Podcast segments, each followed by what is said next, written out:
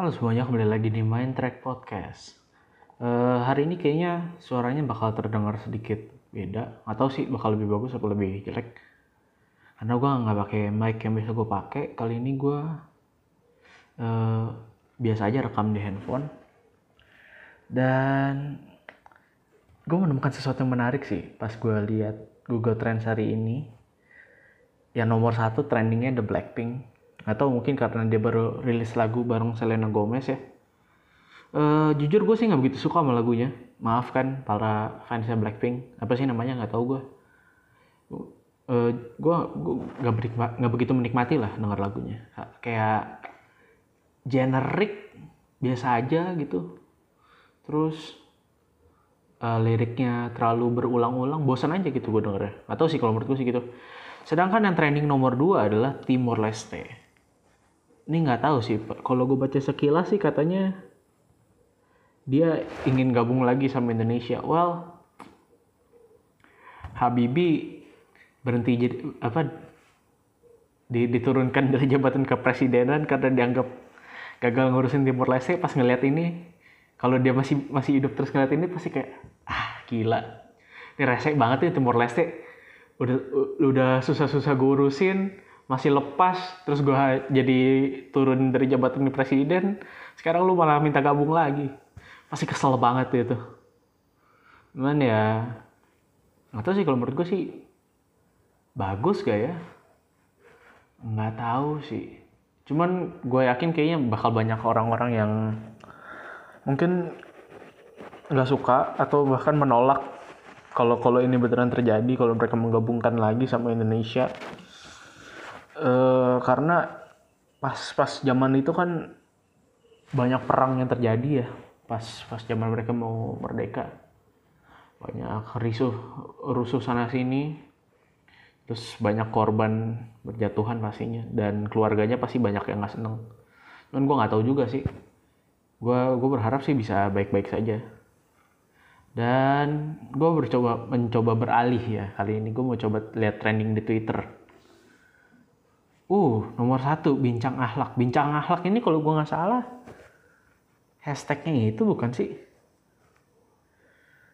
Uh, apa hashtagnya Geolife nggak ya. Ini ada orang awam yang nulis, Bang, menikah kan berarti telah menyempurnakan setengah agamanya. Kalau yang setengahnya kita nikah lagi, berarti udah bener-bener sempurna nih agama kita. Hashtag bincang akhlak. Anda, ini orang-orang kayak gini biasanya justru nggak mampu nggak mampu bayar buat biaya pernikahan sih. Nikahin satu aja belum, ngurusin satu. Nggak tahu sih dia orang ini udah nikah belum ya. Uh, terus ini lagi ada lagi. Tadi gibah sambil minum minum zam-zam. Apakah membuat setiap kata-kata kita menjadi berkah? Aduh, ngeri gitu jokesnya. Oh ini Ustadz gitu ya, yang Jack ini siapa sih? Nggak tahu lah. Uh, kenapa kalau ada orang yang meninggal diucapkan selamat jalan, padahal kan dia udah nggak bisa jalan? Ini gue udah udah udah denger jokesnya tadi. Barusan aja gue denger di MLI. Jadi ya kurang kurang. Start kan katanya kiamat kelak terjadi pada hari Jumat. Nah kalau sebagian wilayah bumi ada yang belum masuk hari Jumat gimana start? Lucu banget. Ah. Delay gitu kiamatnya. Terus kalau sebagian wilayah bumi udah hari Sabtu gimana? Waktunya mundur lagi. Oh god. Oh god. Aduh gue mau komentar sih cuman ngeri gitu.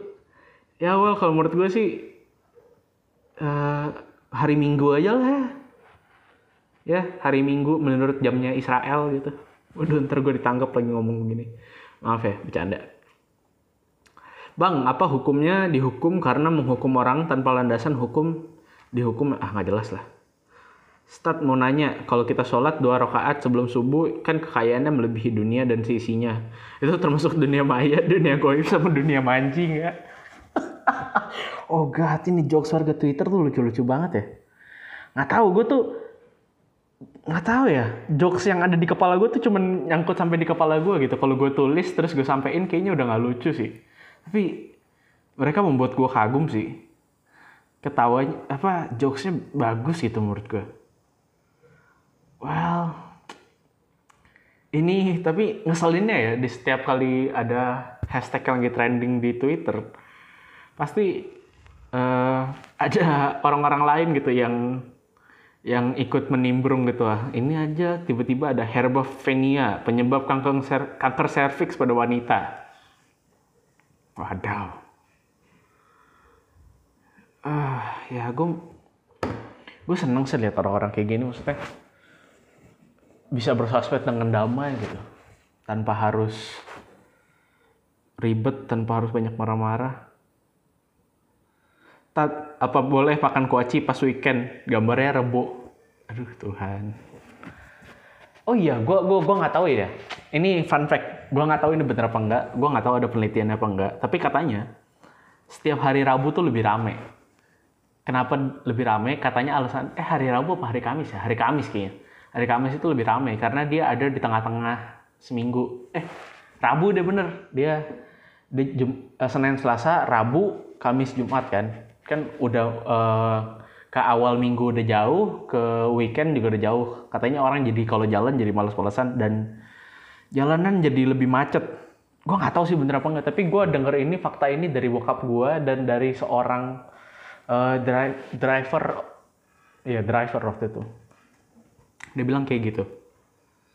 Eh uh, apalagi nih? Ada lagi nggak yang jokes jokes lucu uh, menyenangkan sih. Maksudnya gue gue lebih seneng lihat lihat yang kayak gini gitu. Uh, apa orang menggunakan sosmed cuman ya kayak zaman dulu kayaknya orang menggunakan sosmed tuh cuman buat senang senang aja deh cuman buat refreshing. Tapi sekarang orang justru stres karena sosmed. Orang justru cari kerja di sosmed. Nggak salah cuman kayaknya secepat itu aja uh, dunia berubah ya. Hebat banget gitu kalau menurut gue well dunia kita memang diatur oleh elit global sih jadi ya mereka memang otak-otak yang cerdas.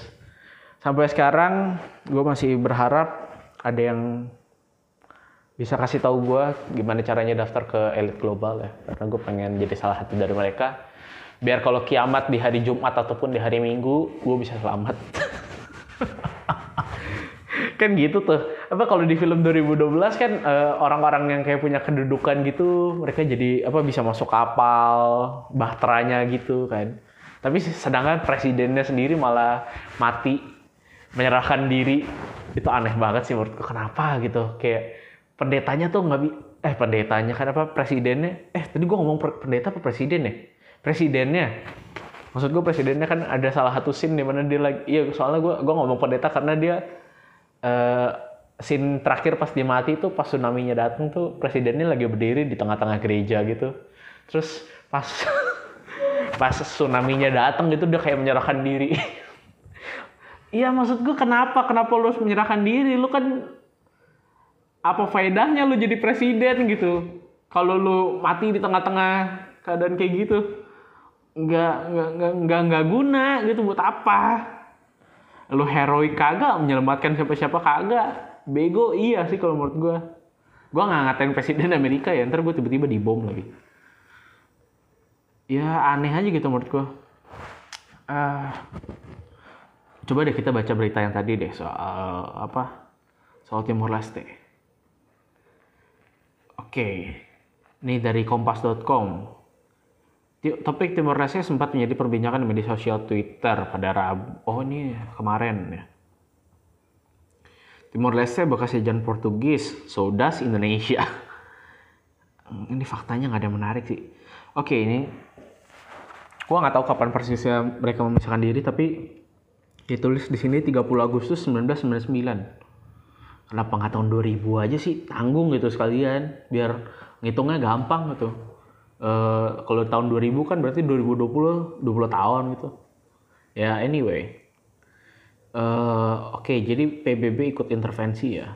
Didukung oleh PD, PBB yang mengakhiri konflik yang terjadi sebelumnya kurang lebih gitu.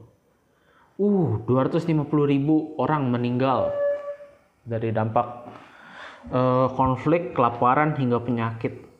Sedih banget ya Makanya kalau mereka mau gabung lagi tuh aneh banget. Ini 250 ribu orang yang udah jadi arwah tuh kalau bisa ngelihat eh, para keturunan mereka yang memutuskan untuk gabung lagi sama Indonesia. Ah, lu ngapain sih? Kita udah susah-susah berjuang demi kemerdekaan, lu malah mau gabungin diri lagi. Ya, well, gue nggak menolak ya. Sekali lagi, gue nggak menolak untuk mereka kalau mereka mau gabung lagi itu sesuatu yang keren, sesuatu yang bagus dan fine fine aja sih buat gue nggak ada masalahnya gitu. Cuman ya nggak tahu ya. Gue gue gue bahkan nggak tahu mereka tuh pisah karena apa sih yang jelas gue tahu mereka konflik gitulah ada masalah dan dari dari yang gue perhatiin ya setiap dari wilayah yang pengen merdeka dari dari Indonesia yang pengen memisahkan diri dari Indonesia itu selalu uh, dalilnya itu selalu mereka pakai uh, kan Indonesia mengakui uh, apa ke kemerdekaan ya hak segala bangsa. Well bener sih itu itu itu Soekarno pas pas pas ngerancang itu mikirnya kan maksudnya ya apa nasionalis gitu keren kita harus memperdaya memper, memper, memberdayakan kemanusiaan apa segala macam supaya manusia bisa hidup merdeka dan bebas. Tapi terus dia lihat keturunannya pada kami ingin merdeka dari Indonesia karena kemerdekaan ialah hak segala bangsa pasti kesal banget itu Soekarno ya I don't know ya Merdeka, oh, merdekanya tahun 2002. Jadi konfliknya tahun 9 Ntar. Oh, 1999 itu mengaj mengajukan uh, apa kayak pengen melepaskan diri lah. Uh, mengadakan jajak pendapat atau referendum. Wow. Ini ya kenapa kalian harus berliterasi ya dengan baik. Ini aja gue bisa salah nih bacanya. Karena gue baca cepet-cepet sih. Oke, setelah itu man, uh, negara baru pada 20 Mei 2002. Setelah itu mantan pemimpin Cuba Fidel Castro, Kuba Fidel Castro bertemu Presiden Timor Leste Jose Ramos Horta. Wow, hmm, keren juga sih kalau ternyata Fidel Castro ada di balik itu semua. Sebagai salah satu pemimpin yang cukup radikal ya, Fidel Castro. Tapi menurutku nggak tahu ya gue gue gue nggak tahu kepemimpinannya dia sih. Yang gue tahu dia cukup otoriter uh, kayak semacam so Soeharto gitu lah dan tapi tapi kalau gue lihat fotonya dia tuh kayak dia cool banget gitu sambil cigarette gitu. Wah gila keren banget itu kelihatannya. Kayak bener-bener ya keren gitu lah kayak cool guy gitu tapi gue gue kira orangnya santai-santai gitu ternyata enggak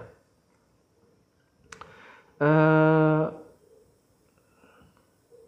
Oke, okay, ada pun pengaruh. Oke, okay, ini nggak ada yang terlalu penting sih. Akhiri perjanjian batas wilayah maritim dengan Australia. Silang sengketa mengenai batas wilayah Timur Leste Australia. Ya Australia juga, gue nggak tahu kenapa ya. Gue inget ini pas Australia zaman dulu tuh ada dia nyadap siapa ya? Yusuf Kala ya kalau nggak salah ya. Apa siapa gitu gue lupa. Pokoknya dia nyadap salah satu petinggi Indonesia dan alasannya apa ya gue lupa gitu apa alasan keamanan atau apa gitu terus temen gue ini waktu ini waktu itu gue masih SD dan temen gue itu ngomong ah kalau kalau Indonesia perang lawan Australia gue maju paling depan kenapa anak SD bisa berpikiran kayak gitu gitu? Untuk untuk bisa terjun ke medan perang di paling depan. Untuk mati konyol kalau menurut gue heroik enggak. Ter, terdengar bodoh sih kalau menurut gue ini gue gue ngomong gini kayak orang mabok ya. Ngomong-ngomong panjang lebar sendiri. Ya well gue mulai ya gue udah beberapa kali ngomong sih. Gue cukup lelah ya bikin podcast uh, belum kemarin-kemarin pas awal-awal gue menemukan kliknya gitu menemukan kesenangannya. Tapi sekarang gue mulai kehilangan itu. Ulang tahun Doraemon. Nggak peduli sih gue sebenarnya. Doraemon ulang tahun. Ya oke okay lah. Uh, oh Blackpink nomor satu nomor 20 lagi. Ada apa sih? Coba deh gue lihat deh bukan Lisa Blackpink Nia Ramadhani. Kembaran siapa nih kembaran sama Kim Ji Won. Buset. Kembaran sama Kim Ji Won. Sip. Nggak apa-apa sih. Gila ini. Kenapa Nia Ramadhani semua? Cantiknya Zara Adisti. Dibilang mirip Jisoo. Well dua garis biru hampir-hampir mengalap hampir-hampir jadi live action ya. Udah live action sih cuman jadi true story. Hampir hampir jadi true story. Ah banyak orang yang pro banyak orang yang kontra. Uh, ada yang ngebelain katanya ya nggak usah diumbar-umbar lah nggak usah diitu-ituin ada yang bilang ah nggak boleh kayak gitu. Ah. ya biasa lah dengan dalilnya biasa public figure harus jadi contoh. Well nggak juga. Cuman kalau menurut gue ya blunternya lucu aja gitu mengingat dia main film dua garis biru terus dia hampir mengalami kejadian itu di kehidupan nyata tuh kayak ah. Ya, tapi kok bisa gitu? Kok bisa di post ke Instagram pribadinya dia? Itu aneh sih menurut gue kok bisa? Dia ya ya itu pentingnya pentingnya lu punya sosmed yang bener-bener private sih yang satu yang buat kerja yang satu buat private gitu. Yang buat kerja ya buat buat image apa branding image lu buat jualan buat uh, jadi selebgram apa segala macam. Terus kalau ya yang private lo ya, ya cuman buat bersosmed aja seperti orang orang rakyat jelata pada umumnya gitu. Uh, say sayang enggak ya? Enggak enggak tahu sih. Yang jelas cowoknya bego yang ngepost bego sih kalau menurut gue sih. Di kenapa direkam sih? Kenapa harus direkam gitu? Kenapa harus direkam? Kan bisa tanpa bukti. Kenapa lo harus merekamnya? Kenapa lo harus posting habis itu? Rekam doang oke okay lah. Gue masih bisa mengerti oke okay lah. Meskipun ada resiko tersebar di twitter ya cuman ya oke okay lah itu tapi tapi kenapa di post gitu? Gue gue ngerti. Kalau kalau eh iya referensi gue kembali lagi Om Deddy Corbuzier panutan Ki. Uh, yang yang yang rese tuh temennya. Karena bisa jadi di post tanpa apa tanpa sepengetahuan si Zara dan cowoknya. Cowoknya bukan sih? Cowoknya kan itu? Apa temennya? Nggak tau lah. Gue nggak ngikutin dunia artis. Gue bosen juga lihat artis mulu di trending Indonesia. Pengen gitu sekali-sekali nama Nathanael trending di Indonesia gitu trending di Google. Twitter lah setidaknya. Bikin apa ya gue ya? Biar trending. Nggak tahu lah yang jelas prank sih kalau menurut gue gue gue nggak menemukan kesenangan dari prank sih. Kecuali prank apa kecuali apa ya kayak saling saling bisa berbalas-balasan gitu. Misalkan gue dan temen gue kan itu bisa saling balas kalau sama orang nggak dikenal kan nggak bisa dibalas gitu. Jadi kayak nggak seru aja gitu kayak yang nggak seru aja menurut gue gitu. Kalau kalau orang nggak kenal dan di prank satu itu dua gue gue gampang cringe sih ngeliat yang kayak gitu-gitu. Bukan berarti gue nggak mau bilang mereka jelek lah itu cukup. Kadang ada prank-prank yang bagus kok. Cuman uh, eh, gue cringe aja nggak kuat aja gitu ngeliat orang nggak kenal nggak tau malu tiba-tiba diajak ngomong diajak ngobrol terus tiba-tiba dikerjain well kayaknya lu bisa dilaporkan polisi deh. Karena lu mengganggu ketertiban umum mungkin. Karena lu ya nyita waktu orang membuang-buang menghabiskan waktu orang mungkin. Ya nggak tahu ya. Gue sih gue sih gue sih gue sih nggak mau nggak nggak mau menghakimi konten itu. Karena uh, eh, gue baru aja gue gue tuh lagi seneng nonton YouTube-nya YouTube orang bahas komputer gitu. Namanya Linus Tech Tips LTT dan mereka tuh punya channel satu lagi namanya channel Super Fun. Jadi mereka tuh kantor jadi satu kantor gitu tapi media group gitulah. Tapi mereka saling apa di, di kantor itu fun banget sih. Fun banget sih beneran. Mereka tiba-tiba bisa dat uh, apa ya bisa saling prank. Terus bisa tiba-tiba datengin kayak apa yang rodeo main rodeo gitu yang yang naik naik naik naik kebo yang mesin-mesin kebo apa sih namanya? Itulah mechanical bull kalau mereka bahasanya. Itu seru sih menurut gue kalau bisa kantor kayak gitu sih. Dan kualitas video mereka tuh bener-bener bagus menurut gue karena script writing mereka tuh sangat sangat menyenangkan sih. Sangat-sangat menyenangkan mungkin kalau kalau di di mata beberapa orang ya ya biasa. Soalnya kontennya hampir-hampir kayak iklan mulu. Emang isinya setiap video tuh iklan mulu. Selalu ada iklan itu itu kayak udah jadi ciri khasnya mereka. Tapi uh, menyenangkan gitu. Mereka membungkus iklannya tuh menyenangkan. Bukan dengan videografi apa segala macam cuman berdasarkan skrip aja. Terus ada di komedi-komedinya tuh lucu gitu. Uh, enak sih kalau kalau ya gue gue pengen lebih banyak konten seperti itu di di Indonesia sih. Dan gue bisa melihat si David Gadget In juga melakukan hal yang sama dengan Linus Tech Tips. Kalau dia disponsorin kalau dia review barang kalau dia unboxing hampir-hampir mirip gayanya. Da ya cuman uh, si si Linus di Linus Tech Tips ini lebih ekspresif. Kalau David kan sangat flat mukanya. Tapi gue gue gue merasa kayak YouTube Indonesia butuh butuh butuh lebih banyak yang kayak gitu sih. Lebih menyenangkan lebih fun. Meskipun banyak banyak iklannya lah banyak embel-embelnya tapi bisa dibungkus dengan baik. E, Chandra Leo menyenangkan.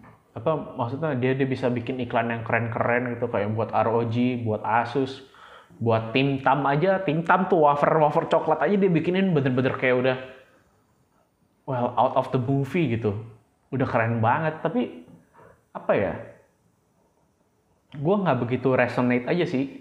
Memang keren gitu. Memang bagus banget. Gue aku itu bagus banget. Cuman dan gue nggak akan kayaknya gue gua nggak akan bisa kalau gue nggak kalau gue nggak sekolah uh, perfilman atau penyutradaraan kayak gitu sih. Gue nggak gue nggak bakal bisa bikin yang kayak gitu berdasarkan apa yang gue tahu sekarang. Kayaknya gue nggak bisa. Karena itu udah keren banget sih. Color gradingnya bagus segala macam. Cuman uh, kayak kayak kurang fun aja gitu. Jadinya kayak ya gue ngeliat iklan yang bagus aja gitu iklan TV tapi bagus gitu. Ya udah gitu aja. E, jadi nggak begitu menyenangkan. Sedangkan gue lihat si Linus ini di ya biasa aja kayak dia lagi ngomong tiba-tiba uh, tiba-tiba nyelip iklan itu aneh banget. Uh, hampir ya ya udah ketebak sih biasanya ditaruh di awal. Tapi tapi lucu aja gitu dia dia lagi ngomong ngomong lagi bahas lagi bahas tiba-tiba misalkan apa ya uh, tadi gue ngomongin soal Timur Timur. Uh, Timur Timur tuh identik dengan dengan apa ya? Dengan tempenya. Dan di sini gue udah bawa tempe goreng khas Malang. ya gitu dia dia tuh kayak kayak kayak, kayak gitu gitu tiba-tiba bisa nyambung ke itu keren lah menurut gue. Ini gue jadi ya nggak apa-apa lah gue gue pengen episode di mana gue ngomong bebas sendirian tanpa bahas topik apa pun. Ya kayaknya gue udah mulai gila deh cuman ada platformnya aja gitu. Gue nggak ketemu sama orang akhirnya gue ngomong sendiri. Well it's not bad though. It's not bad. Eh gue pengen cari-cari lagi deh jokes-jokes Twitter sebelum kita mengakhiri uh, hari ini. Hmm ada lagi nggak ya Hmm, ntar, ini nggak ada. Gue belum nemu lagi sih. Tapi gue kesel sih kadang sama orang-orang yang pakai hashtag gak sesuai gitu. Jadi gue pengen lihat hal-hal yang bagus dari hashtag itu, tapi tiba-tiba banyak uh, banyak banyak yang lain aja gitu maksudnya. Start, apa bener kalau biri-biri lagi ngejar sesuatu jadi buru-buru? Mau nanya, kalau bunuh diri itu jadi korban apa tersangka? Well, uh, iya sama pertanyaan ini sama kayak lu pakai narkoba harusnya lu nggak masuk penjara karena itu kan membahayakan diri lu sendiri. Jadi lu harusnya jadi korban apa jadi tersangka gitu. Bingung juga status hukumnya. Gua nggak tahu sih. Cuman yang jelas sejauh ini kalau lu punya narkoba, lu pakai narkoba ya lu ditangkap jadi tersangka. Oke. Okay eh apa lagi ya Tadi pas gua ke warung lihat ibu-ibu lagi mukul es batu karena kasihan gue inisiatif datang misahin. Kira-kira perilaku gua udah mencerminkan mukmin yang baik belum tadi? ah, katanya Gunung Merapi aktif, tapi kenapa aku telepon-telepon gak diangkat? Well, kadang jokes receh tuh menyenangkan loh eh, kadang ada ada masa di mana lu lelah dengan jokes-jokes jenius, jokes-jokes yang dipikirkan matang-matang dan lu cuma pengen eh jokes standar aja gitu yang receh-receh macam gini. Mau tanya dong, temen gue rumahnya sebelahan sama masjid. Pas mau sholat ternyata jamaahnya membludak sampai jalanan. Akhirnya dia sholat di depan pagar rumahnya. Itu itu anda sholat di rumah apa di masjid ya? ah, nggak tahu sih, nggak tahu, nggak tahu. Saya tidak kompeten untuk membahas dunia permusliman, tapi gue bisa mengerti jokesnya dan jokesnya lucu. Oke. Ini ustadznya malu jualan kaos. Gak apa-apa. Lanjutkan. Hmm, kenal pot apakah benar jika jika di suatu tempat tidak ada air maka boleh tayamum? Ah, gimana? Oh, apakah benar jika di suatu tempat tidak ada air maka boleh tayamum dengan debu vulkanik? Muka Anda, muka Anda jadi meleleh dong. Bukannya Bukannya wudhu Anda malah merusak muka. Lain kali pakai air keras bro, cobain. Biar nanti siapa tahu uh, lu bisa jadi kayak itu. Siapa namanya? Siapa sih tuh? Uh, apa ketua KPK dulu yang disiram air keras? Uh, Novel Baswedan kan kalau sedekah nggak boleh ria tapi pas naruh kotak amal duitnya recehan. Kedengaran suaranya karena kotak amalnya kosong. Jadi itu jadi jadi iya apa enggak well eh nggak uh, tahu lah. Tapi bagus sih. Waduh ini ada sok uh, sok dat jok cuman nggak lucu sih. Saat orang yang tangannya buntung kalau wudhu apakah wudhunya sah ahlak anda yang tidak sah tuh Ahlak Anda harus dibersihkan itu pas lagi wudhu ya. Oke. Udah kayaknya itu aja. Cukup sampai sini. Gue mau ngudahan uh, obrolan-obrolan gak jelas ini. Uh, episode episode berikutnya dari Mind Talk gue akan datengin salah satu tamu yang uh, cukup berpengaruh di hidup gue dan kita kembali ke Mind Talk yang biasanya di mana gue akan datengin tamu, di mana gue udah oh ya tiga minggu empat minggu udah tiga atau empat episode main talk gak ada tamu ya. Dan gue ketemu akhirnya satu tamu lagi yang well berpengaruh besar lah cukup berpengaruh besar dalam kehidupan gue khususnya gue akan bahas soal kenegaraan sih soal menjadi warga negara yang baik seperti yang lo tahu gue bukan warga negara yang baik bahkan pancasila aja gue kayaknya cenderung nggak setuju jadi gue berharap uh, eh, gue berharap dengan datangnya orang ini gue bisa di di dia diluruskan jalannya ke jalan yang lebih benar dalam kehidupan berbangsa dan bernegara. Oke, gitu aja dulu. Gua tutup sampai sini. See you next time and jangan lupa di-share. Bye bye.